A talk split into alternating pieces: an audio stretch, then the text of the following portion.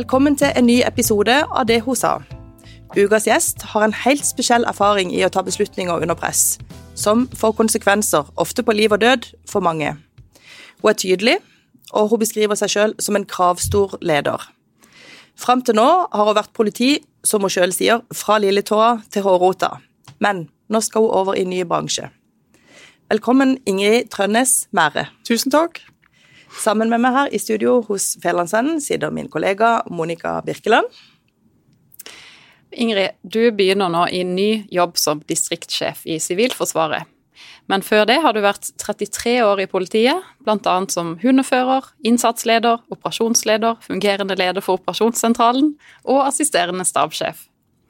De siste årene har du vært stedlig leder på Politihøgskolen i Kongsvinger. Og du har også vært på flere FN-oppdrag i utlandet gjennom karrieren, i Irak, Liberia og Afghanistan. Det er ikke småtteri dette, Ingrid? Nei, eh, som jeg sier, jeg føler jeg har hatt en fantastisk eh, karriere. Jeg har hatt et fantastisk politiliv. Eh, og da, ja Så med tanke på at jeg egentlig ikke hadde tenkt å i politiet. Sånn, uh, var egentlig på vei til St. Mark i London, en designerskole som jeg hadde kommet inn på. og Så sa min bestefar og bare tenkte det var veldig dumt at barnebarnet skulle reise til London alene over 18 år. 19 år. Og uh, ja, nei, Så da endte jeg i politiet. Og det har jeg ikke angra et sekund på. Men du, når jeg hører denne lista som Monica leser opp, så blir jeg jo veldig nysgjerrig på eh, disse utenlandsoppholdene dine. Uh, og så tenkte jeg nå, Siden Afghanistan jo egentlig er ganske sånn aktuelt i, i, nyhetene akkurat nå, så har jeg lyst til å spørre deg litt om det.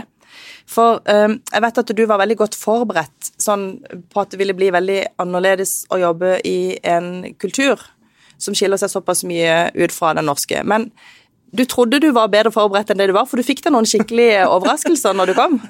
Ja, eh, vi ble jo, når vi skal reise ut, godt forberedt. Og Politidirektoratet hadde et veldig bra opplegg med masse kulturforståelse og sånn. Og trodde hadde lest meg masse opp og forsøkt å sette meg godt inn i kulturen og forstå konteksten og sånn. Og så kommer jeg ned, og eh, jeg jobber veldig tett sammen med en mannlig kollega.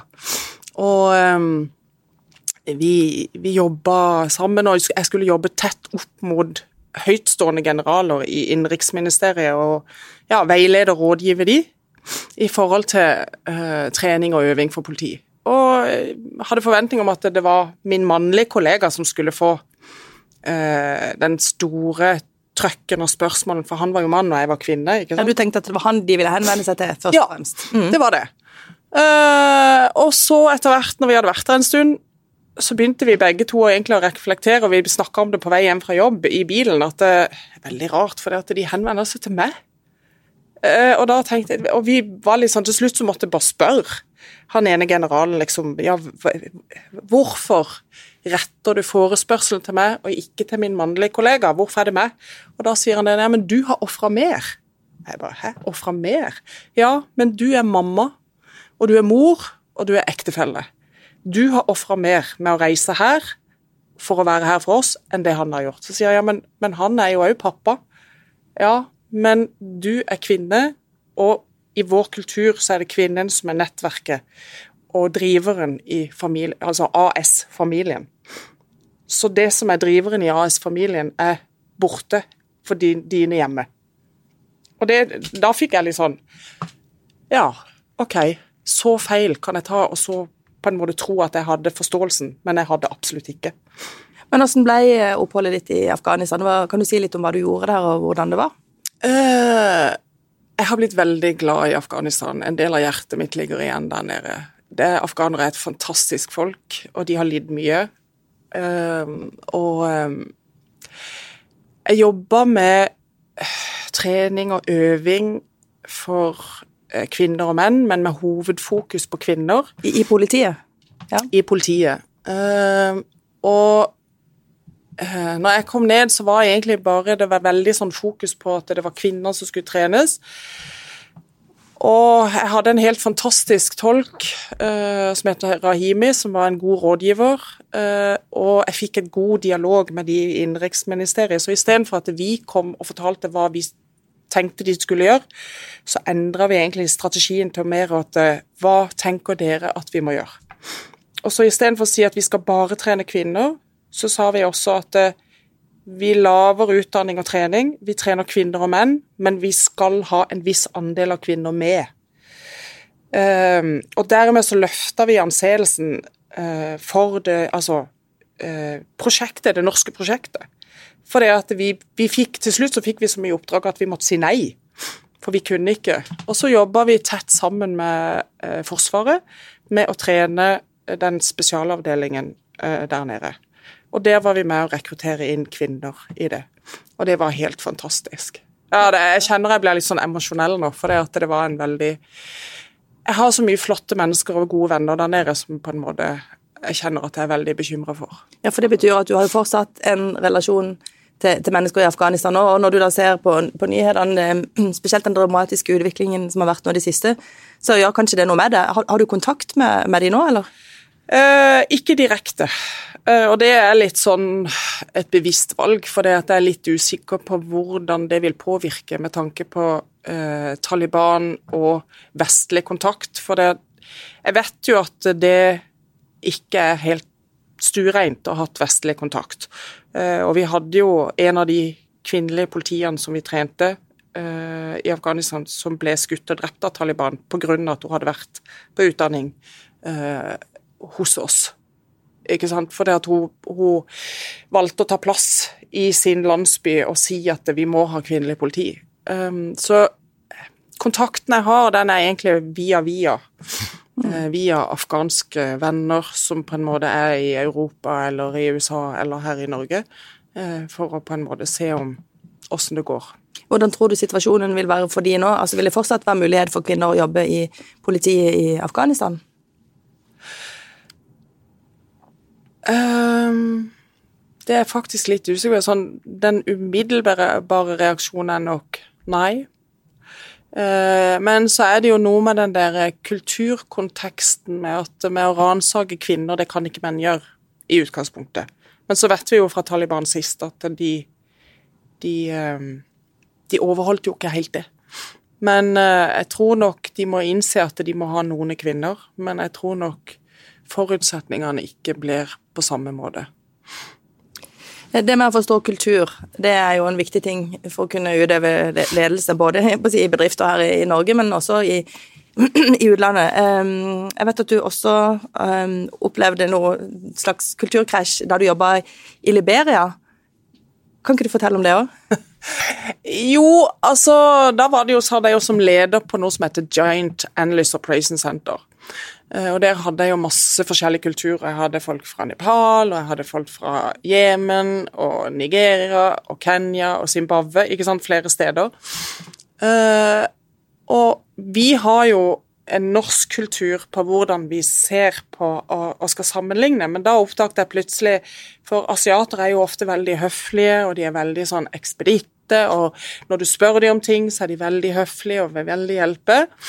Uh, og det er for oss en sånn en Ja, når du er høflig, så er det hyggelig, ikke sant? Men så oppdaget jeg for noen afrikanske kulturer, så var det faktisk en sånn en Du var underdanig. Så jeg erfarte at uh, en av de afrikanske behandla han ene nepaleseren forferdelig dårlig. Uh, det var helt sånn, han, det var skikkelig nesten sånn på grensa som jeg vil beskrive som rasistisk, så jeg måtte ta tak at det, den type kultur aksepterer jeg ikke her. Det, det er helt ja. uakseptabelt. Men Du ble liksom stående i midten da, og skulle på en måte megle mellom to totalt ulike kulturer. Ja. Men, men hvordan, brukte du, altså, hvordan, brukte du, din kompetanse på, på, å klare det? Nei, altså, det er jo litt med å uh, Da brukte jeg veldig mye den konteksten som FN har, som den der eh, diversity som FN har, altså likhet. Vi er like, alle er like, vi skal ikke behandle hverandre forskjellig. Så jeg måtte jo bruke veldig mye av det. Og så måtte jeg også vise respekt for han som på en måte hadde sin kultur i sekken, med at det, den der kjeftekulturen som de var mer altså, Ja, For de var det respekt? Det var å kjefte? Ja, altså i de sin kultur så var det det at hvis ikke du kjefta på de undersåttene, så var du ikke stor og sterk nok leder. Eh, så da måtte jeg på en måte forsøke å innføre Ja, jeg skjønner at det er Men hos meg, når vi leder, så vil ikke jeg ha det. Jeg vil på en måte ha mer den der balansen. Men jeg måtte også vise han respekt for hans kultur, og det er ganske utfordrende. Spesielt når det stritter så veldig mot mitt hode, den der med å kjefte og skrike til folk og behandle de dårlig. Eh, og så var det det der med å løfte opp han nepaleseren og si det at vet du hva, du må stå opp, og så må du tørre å si. Og hvis du tør å si, så skal jeg backe deg. Jeg skal passe på deg. ikke sant? At det, du må si at det, vet du hva, dette godtar jeg ikke. Eh, men, men, det er, det, det er uh, interessant, og det er lærerikt. Eh, og så er det jo han nepaleseren, det er jo som jeg sier, han er blitt my brother from another mother. Ja. det løste seg, skjønner jeg da. Ja, ja, det gjorde det. ja. du, hvordan finner du den balansen når du står i en sånn situasjon der du skal veie mellom to hensyn? Har du noe, Rådfører du deg med noen, eller hvor går du for å ja, finne den beste løsninga? Jeg har jo sklidd på noen bananskall opp igjennom min karriere, for å si det sånn. Eh, så jeg har jo på en måte noen erfarings... Eh, altså noen erfaringer i ryggsekken og noen sånne grep som jeg på en måte har tatt opp gjennom hele veien. Men jeg spør om råd, eh, og så bruker jeg mye den derre se Forsøk å se menneskene. Altså, hvem, hvem er du? Hvem er du som person? Hvor er du sårbar? Hvor er du sterk? Og så prøver å bruke det på en, en, god måte, samtidig som jeg faktisk også velger å kanskje gjøre meg sjøl litt sårbar med å blottlegge meg sjøl litt. Sånn at det, det for de blir trygt å på en måte blottlegge seg sjøl. Har du et eksempel på hvordan du har gjort det? Uh, ja, jeg har jo flere eksempler. Jeg har annet eksempel fra jobben hvor jeg på en måte Eh, var veldig, hvor jeg møtte på en som sto i en veldig krise og var egentlig veldig veldig forbanna på politiet. Var skikkelig forbanna på politiet. Eh, og som har hatt Den personen hadde hatt en veldig veldig tøff oppvekst og hatt mye i ryggsekken. Og som jeg på en måte da valgte å sette meg ned og fortelle om min bakgrunn. For det, det som jeg sier, nå fremstår jeg nok som en sånn eh, suksesshistorie og sånn, men, men, jeg har jo en historie i ryggsekken fra jeg, før jeg begynte på politiskolen, med eh, Altså Hvor jeg hadde foreldre som var alkoholiserte. Ikke sant? Og da valgte jeg på en måte Nå blottlegger jeg meg igjen, ikke sant?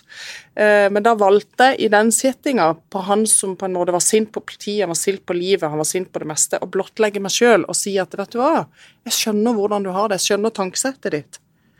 Og så er det på en måte det som var med på å endre uh, veldig, veldig mye. Og fra å være sint på politiet, så ble vi faktisk Altså fikk et god connection. Så når han på en måte hadde litt sånn tøffe tider, så kunne jeg få en telefon sånn på natta. Altså, eller han kom på vakta og spurte etter meg. Ikke sant? Så det er jo noe med den der å tørre å blottlegge seg, men det er jo ikke alltid det er veldig bra å gjøre det, for du blir jo litt sårbar. Men så er det den derre å tørre å gjøre det. Men du skal være ganske trygg som leder, tenker jeg, for, for å tørre å være så sårbar sjøl. Det er jo kanskje da du kan være det, når du har kommet til et sted i livet hvor du har blitt trygg og fått erfaring. Ja, det tror jeg kanskje. Altså det er ikke ja. like lett å gjøre det når du er nyutdanna. Nei, det er ikke det. For da er du på en måte i en, altså da er du på vei inn for å finne en plassering i organisasjonen din, og hvem er du i organisasjonen? Og, og finne en plass. Så det er ikke, det er ikke lett å Altså, du kan Nei, jeg, jeg, jeg, hadde nok ikke gjort det når det jeg var helt nyutdanna når jeg akkurat hadde begynt i politiet. Det hadde jeg nok ikke. Men jeg har nok alltid vært en ærlig person. Eh, sånn personligheten min. Politiet kan jo kanskje også oppfattes ofte som en litt sånn, litt sånn macho eh, rolle. Mm. Så det å vise at man også har en annen side, kan jo kanskje eh, være veldig positivt i, i sånne settinger, som, som du sier. Ja. Og skape tillit. Ja. Mm. Jeg tror det. Eh, og så føler jeg at politiet er nok ikke eh, Ja, kan nok oppfattes som ganske macho. Eh, men hvis du sammenligner med politiet i andre land, så er jo norsk politi absolutt ikke uh, det. Men så er det jo noen ganger vi må gjøre noen oppdrag og gjøre noen ting som gjør at det, eh, da må du bare stå og være høy og mørk. Du har ikke noe annet valg enn at du må stå og være høy og mørk. Og så må du på en måte stå inne for de valgene du gjør, og noen ganger har du tatt feil valg, og noen ganger tar du riktig valg. Når du tar feil valg, så er det en hel kommisjon som kommer og på en måte gransker deg fra opp og ned og i mente på beslutninger du har tatt på ti sekunder.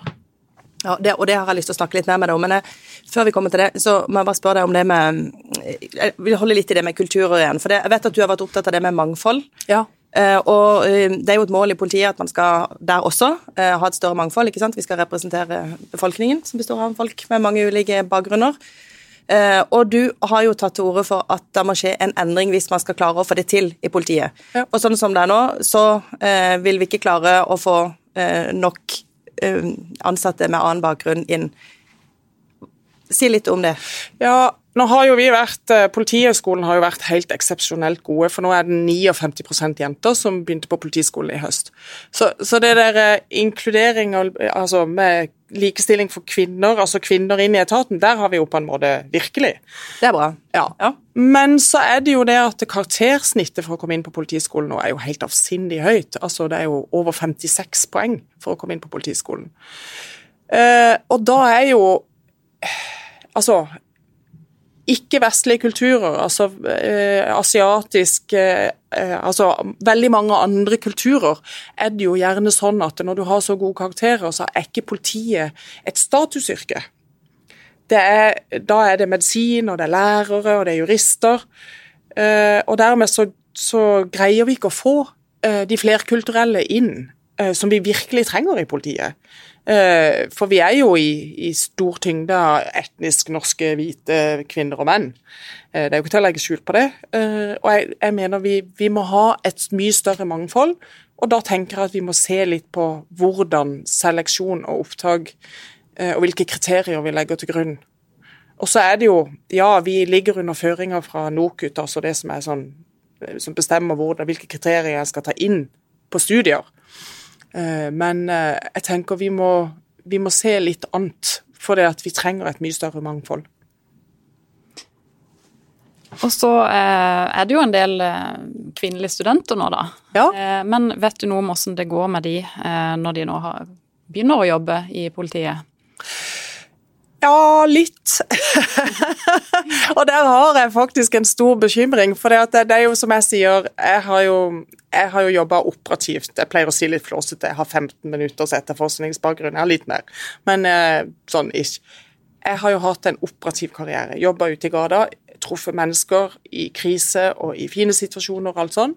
Det vi ser nå, det er det at eh, Og de tallene jeg gir deg nå, det er ikke empiri. det er Eh, tall jeg har henta ut, sånn grovhenta. Eh, for dette er litt fokuspunktet mitt på en masteroppgave jeg holder på med. Eh, og det vi ser, det er jo det at åtte av de kvinnene som begynner i politiet nå, et, tre år etter at de er ferdig med skolen, så er det 86% som ikke jobber operativt etter tre år.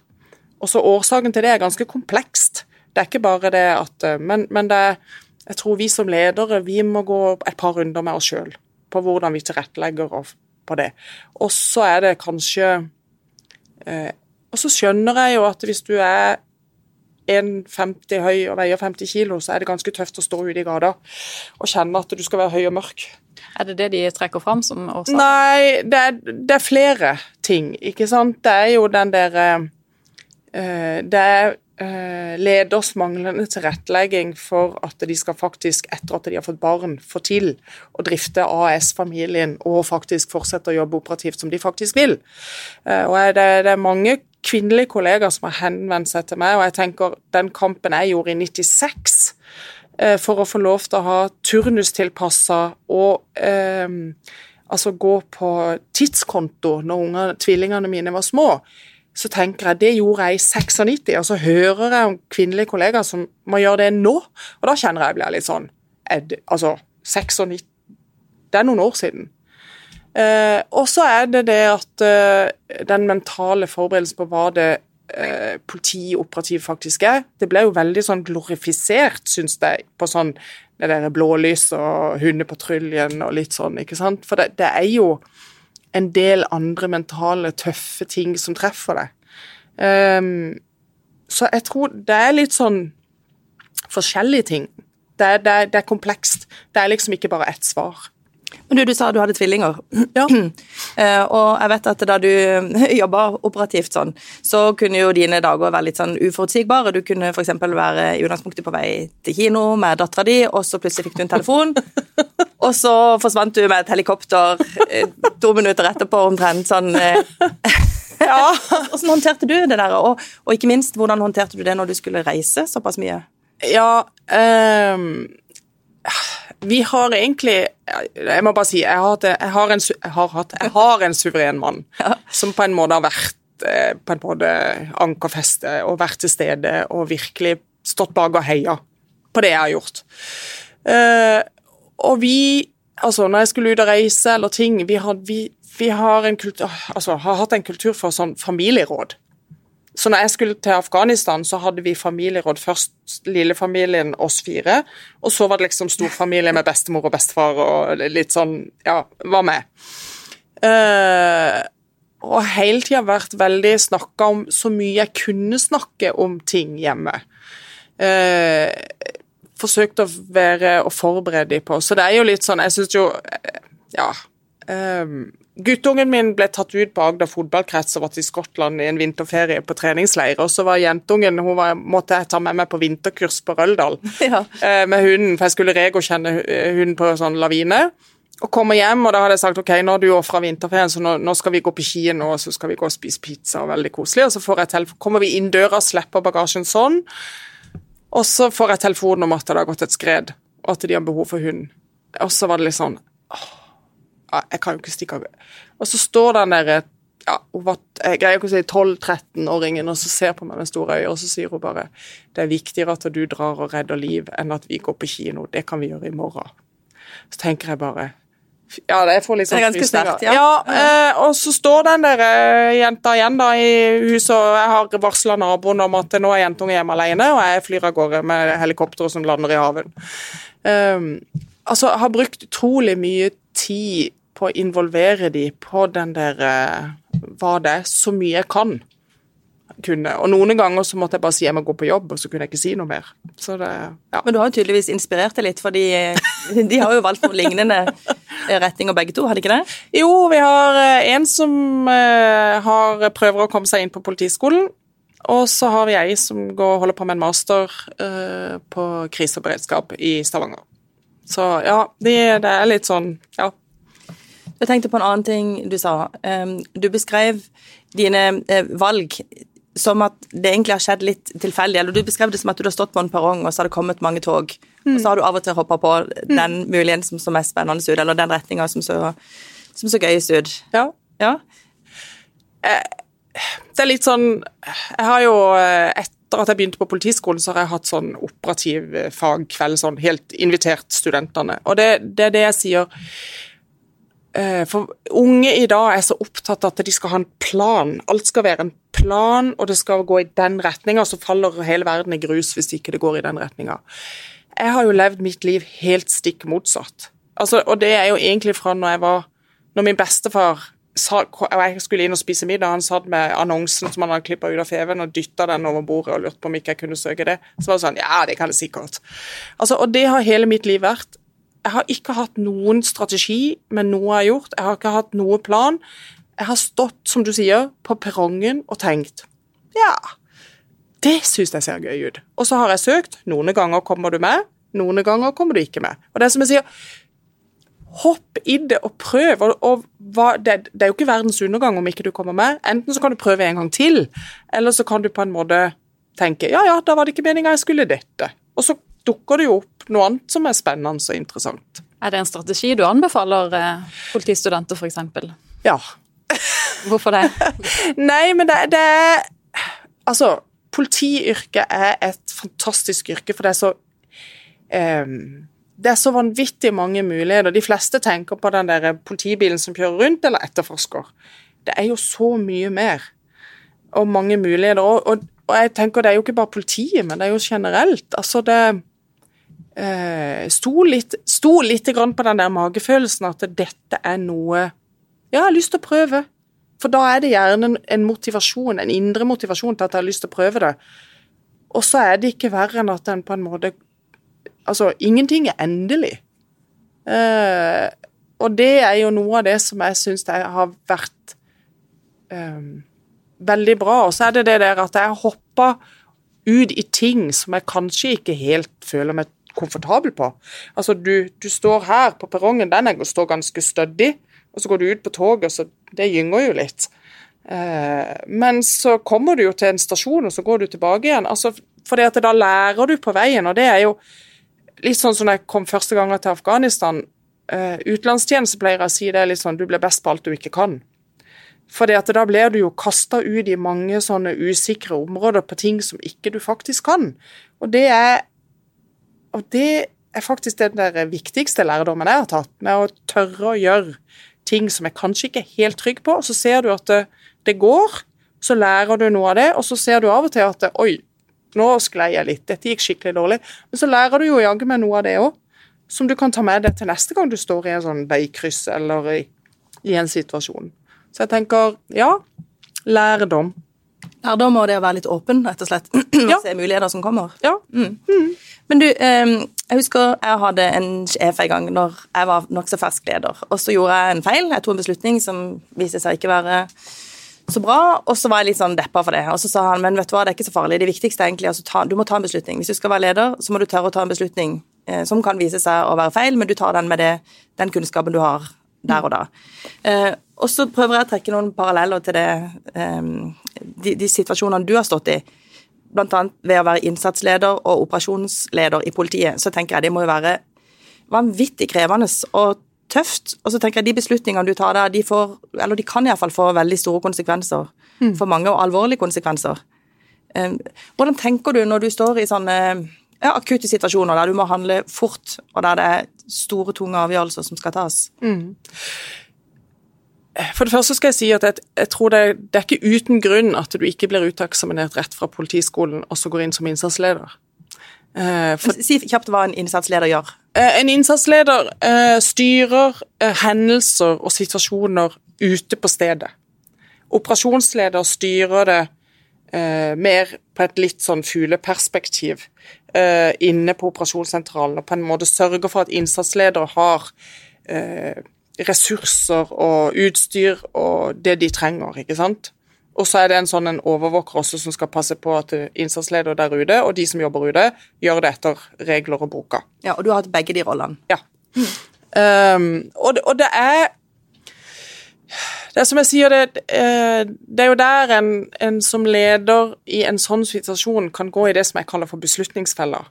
Uh, og som kanskje er nesten verre enn det å gå i den fella og ta beslutning for fort. Det er en vanskelig balanse. For det at du skal fatte en beslutning på noe som kan få ekstreme konsekvenser for mange mennesker, eh, og den skal du fatte ganske fort, og så er det eh, Hvor mye informasjon må du ha for å kunne fatte en beslutning? Og så må du fatte beslutninger på bakgrunn av det du faktisk har. Og noen ganger er det feil, og noen ganger må du justere retninger og noen ganger blir det riktig. Og da er det den der erfaringsbanken som du får med deg etter mange år i politiet, som på en måte ofte eh, det, er jo skrevet forskning på dette her, med magefølelsen hos politiet, som er en sånn en erfaringsbank som du bygger deg opp. Du fyller ryggsekken med masse. Og det er litt sånn Ja, du fatta en feil beslutning, men da var det jo eh, Den erfaringa du gjorde deg da, den har du med deg nå. Så du vil jo ikke fatte den beslutninga igjen hvis du kommer i en tilsvarende situasjon. For du vil jo kjenne igjen situasjonen. Og det er jo det vi ofte gjør. Det, men det er Noen ganger så sitter du og tenker at idet du har fatta beslutningen, så kjenner du at det, å, fy fader. Går dette bra, eller går det ikke bra?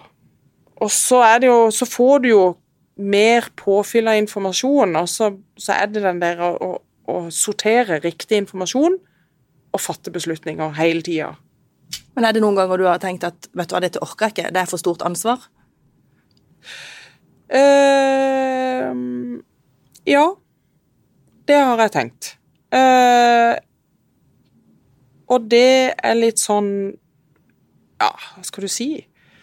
Um, jeg sto som innsatsleder og fatta en beslutning som medførte at uh, Eh, noen privatpersoner ble skada. Um, altså, min beslutning fikk en konsekvens. Det var ikke meg som var handlinga, men jeg gjennomførte noe, og så var det noen andre som gjorde en handling som medførte at uh, de ble skada.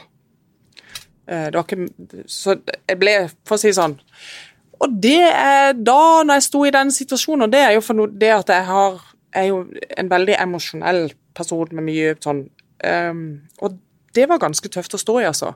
Fordi at uh, jeg skjønte at den beslutningen jeg hadde fatta, den var på en måte riktig, mens min beslutning medførte at den, altså, den kriminelle mm. utførte en handling mm. fordi at han ble så forbanna fordi jeg hadde gjort det jeg gjorde, så han skada en annen person. Og det er en sånn en Du stiller deg jo noen spørsmål etterpå at uh, hvis jeg hadde beslutta sånn, hadde det skjedd da? Ikke sant? Men, Men, det er jo veldig lett etterpå sikkert ja. også, si det også, for i ettertid så har du jo all informasjonen.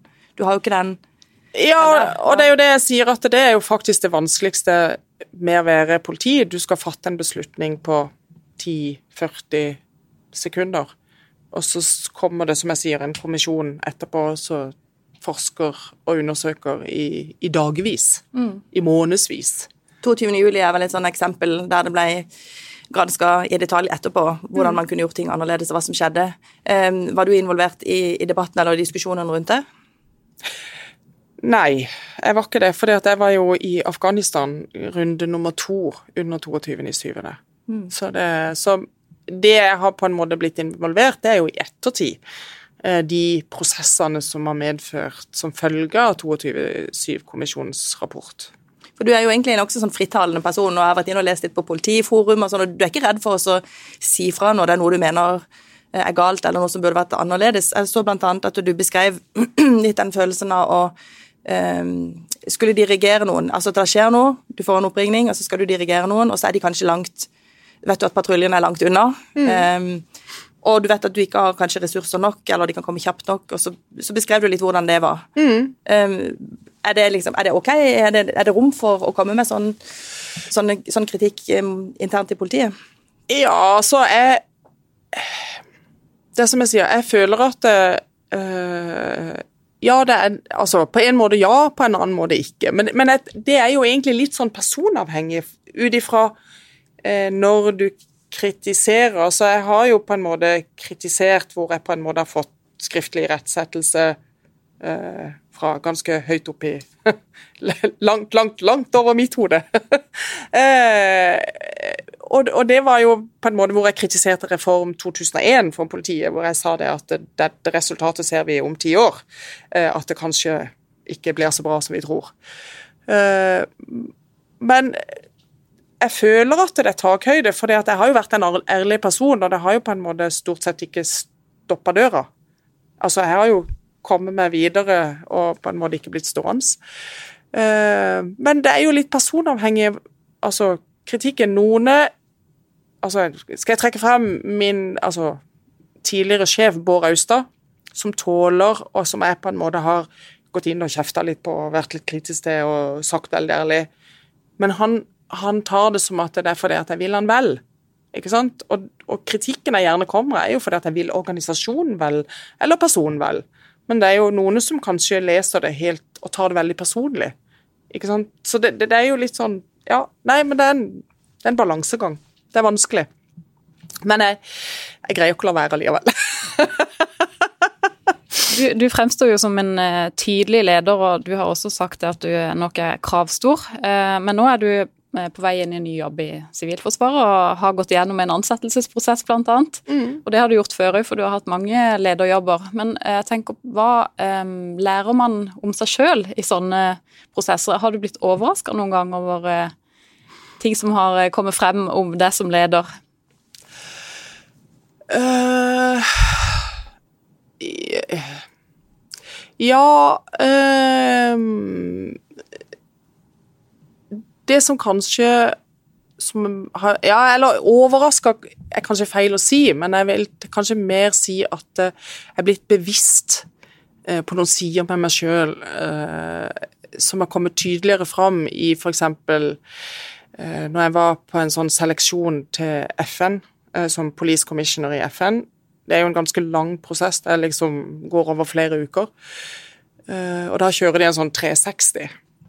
Og det Da, i den prosessen der, så ble jeg litt bevisst på den derre fra å være innsatsleder og operasjonsleder, som du må fatte beslutninger på litt sånn kort tid, som jeg hadde dratt med meg inn i ledelsesposisjonen på litt, litt mer strategisk nivå, som du på en måte ikke må fatte. Og den er jeg blitt veldig bevisst på. Den var litt sånn Ja, søren òg. Det den der eh, mer sånn slow train. Men Er du tålmodig nok til å gå gjennom ta alle disse prosessene, eller vil du egentlig helst bare fatte beslutninger og så bli ferdig? Eh, hvis du hadde spurt meg for noen år siden, så hadde jeg sagt det. Jeg har ikke tålmodighet til det. Men eh, jeg har på en måte, som jeg sier, sklidd på noen bananskall, lært litt, og så er jeg blitt mer tålmodig. Jeg har lært meg så, til å sette meg på hendene. så, det, så det er vel kanskje det Så ikke overraska, men lært meg, for å si det sånn. Ja. Mm. Du, har du vært redd noen ganger når du har vært ute på, på jobb? Å ja. Åssen håndterer du frykten din, da?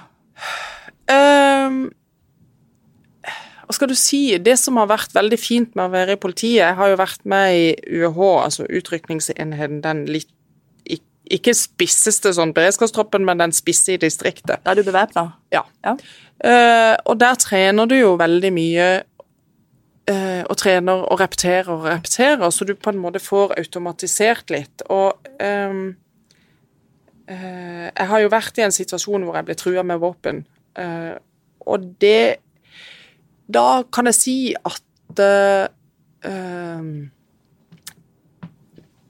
da slår den der refleksene inn med det du har trent på, som du har automatisert. Det smeller inn, og så kommer redselen etterpå, når vi er ferdig, når personen er pågrepet. Og det må jeg jo si at da, da har det jo vært litt sånn Komme hjem fra jobb. Uh, den ene gangen da var, lå ungene og sov, da måtte jeg inn og lukte på ungene. Bare sånn kjenne OK, jeg kom faktisk hjem i natt. Uh, altså så, så, men da kommer redselen kommer, For min del så kommer redselen etterpå. Redselen kommer etterpå. Samtidig så er det vel en trygghet da å se at det som du sier, det er automatisert, at det fungerer. Ja, ja, ja. ja. Det er jo litt sånn, Du får jo litt sånn endorfiner fordi at du faktisk, det du har trent på, det fungerer. Så i mitt hode, trening og øving fungerer. Mm. Kommer du deg videre etter eh, sånne opplevelser? Eh, enten ting du har opplevd i felten, eller eh, beslutninger du har tatt som leder? Eh, kommunikasjon, samtale med venner, kollegaer. Eh, altså eh, Mannen min men, men, samtaler. Det det Ja. Der er jo jeg litt sånn Det er der jeg sier personligheten Ingrid er åpen. Og da er det den derre om å prate, og kanskje få noen andre briller fra sida som på en måte stiller de der riktige spørsmålene for å sette ting på plass. Mm. Men du, du, er jo vant til å dirigere et profesjonelt korps av politibetjenter, eh, eller politifolk, må man mm. kanskje si. Eh, nå skal du over i Sivilforsvaret, eh, og det er jo en helt annen type mannskap du har da, mm. som du, du, skal styre. Eh, hvordan, på hvilken måte må du være en annerledes leder da, tenker du? Ja det, det, er jo litt sånn todelt. Jeg har jo de profesjonelle som er på Sivilforsvaret òg. Eh, og det dere Så de tenker jeg at en kan se litt på samme måte som en ser kollegaer i politiet, for det, at det er på en måte litt sånn, ja. Men så er det jo de som er sånn rulleført, uh, som kommer inn og øver og trener og deltar. Uh, de må du nok se på en litt annen måte. uh, for at de er ikke profesjonelle 100 i det de er på en måte semiprofesjonelle. Eh, så en må nok se de på en annen måte og ha en på en måte Og så er det jo sikkert veldig stort sprik her. For noen av de er veldig kompetente, og noen av de er på en måte kanskje helt i oppstarten, eller uh, Og det der med å motivere Noen er kanskje ikke fullt så motivert for å være der, og syns det egentlig det er noe føss.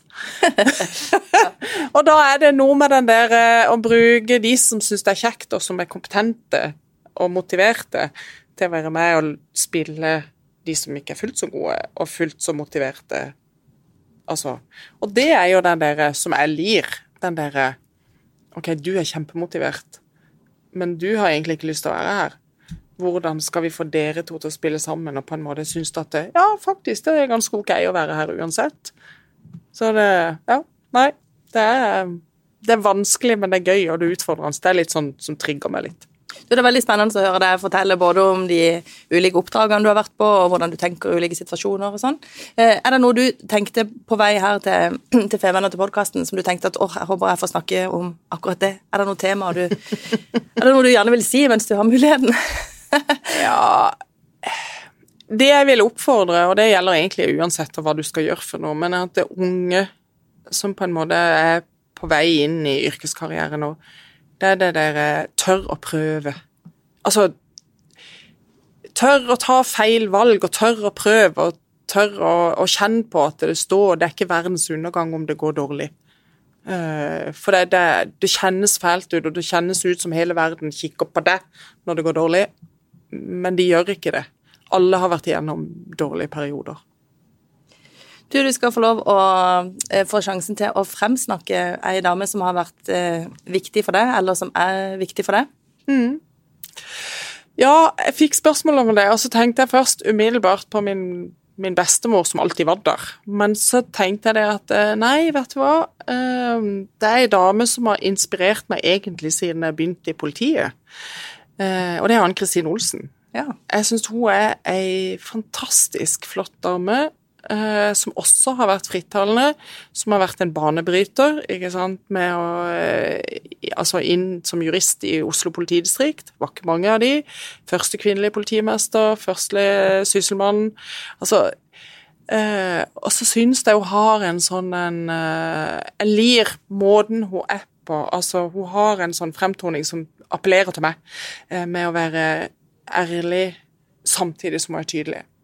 Uh, så nei, Ann Kristin Olsen har vært en sånn en som jeg på en måte ofte har sett til og tenkt at ja, er ikke så dum, du. Det er godt valg. Ja.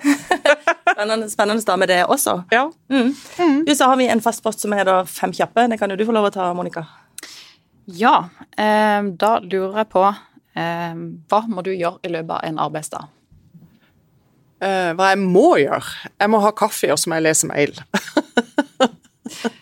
Har du en jobb du aldri kunne hatt? Altså, det er uh, Hvis jeg skal tenke sånn i utgangspunktet som jeg tror nok jeg hadde kjent at det hadde vært ganske tøft, det er egentlig innenfor det fagfeltet jeg kommer fra, og som jeg yter stor respekt for, det er de uh, kollegaene som driver med etterforskning av seksuelle overgrep mot barn det kjenner jeg egentlig på at det tror jeg jeg hadde ikke takla. Og så er jeg bare så ufattelig imponert over de som faktisk orker å stå i det. Uh, og hva de er igjennom, og hva de ser. Det er, jeg, jeg tror det hvis jeg, hvis jeg, skulle si så tror jeg nei, det kunne jeg ikke ha gjort. Fra det ene, fra det ene til det andre, men hva, hva var det siste du leste ja, nå kommer jeg til å fremstå som en skikkelig fagnerd. Eh, det nye totalforsvaret. Nei, det, altså det, det, har med at jeg går jo på et Jeg holder jo på med en master, og nå går jeg på et studie på Forsvarets høgskole dette halvåret. Og da er det pensum. Eh, hva har du i jobbveska? Eh, I jobbveska? Eh, ja jeg tror ikke du hadde noen veske når du kom hjem? jo, jeg hadde ei sånn ei bitte lita. jeg bruker jo veldig lite væske, men uh, hvis du skal kalle det sånn jobbveske, da er det PC og noen dokumenter som jeg på en måte fram til neste fredag må frakte med meg hele tida. Siste spørsmål. Eh, har du en god life hack eller et råd til andre? Ja, nå har jeg jo egentlig tatt det. Det er jo litt den der at uh, grip sjansen. Uh, og så ja, kan jo støtte meg til hun som var her før meg, hun fra Venstre, at uh, gi litt mer faen. Ja. du, um, Ingrid Trønnes Mære, mm. tusen takk for at du ville komme til oss. Det var kjempespennende å høre på historiene dine, og også god råd som du hadde. Så takk for at du tok turen til Fjellandsend og det hun sa. Takk for at jeg fikk lov til å komme. Du har lytta til Federlandsvennens podkast 'Det hun sa' med Birgitte Klekken. Har du tips til andre bra damer vi bør snakke med, eller har du lyst til å dele inspirerende erfaringer fra ditt arbeidsliv? Ta kontakt på dethosa1fun.no.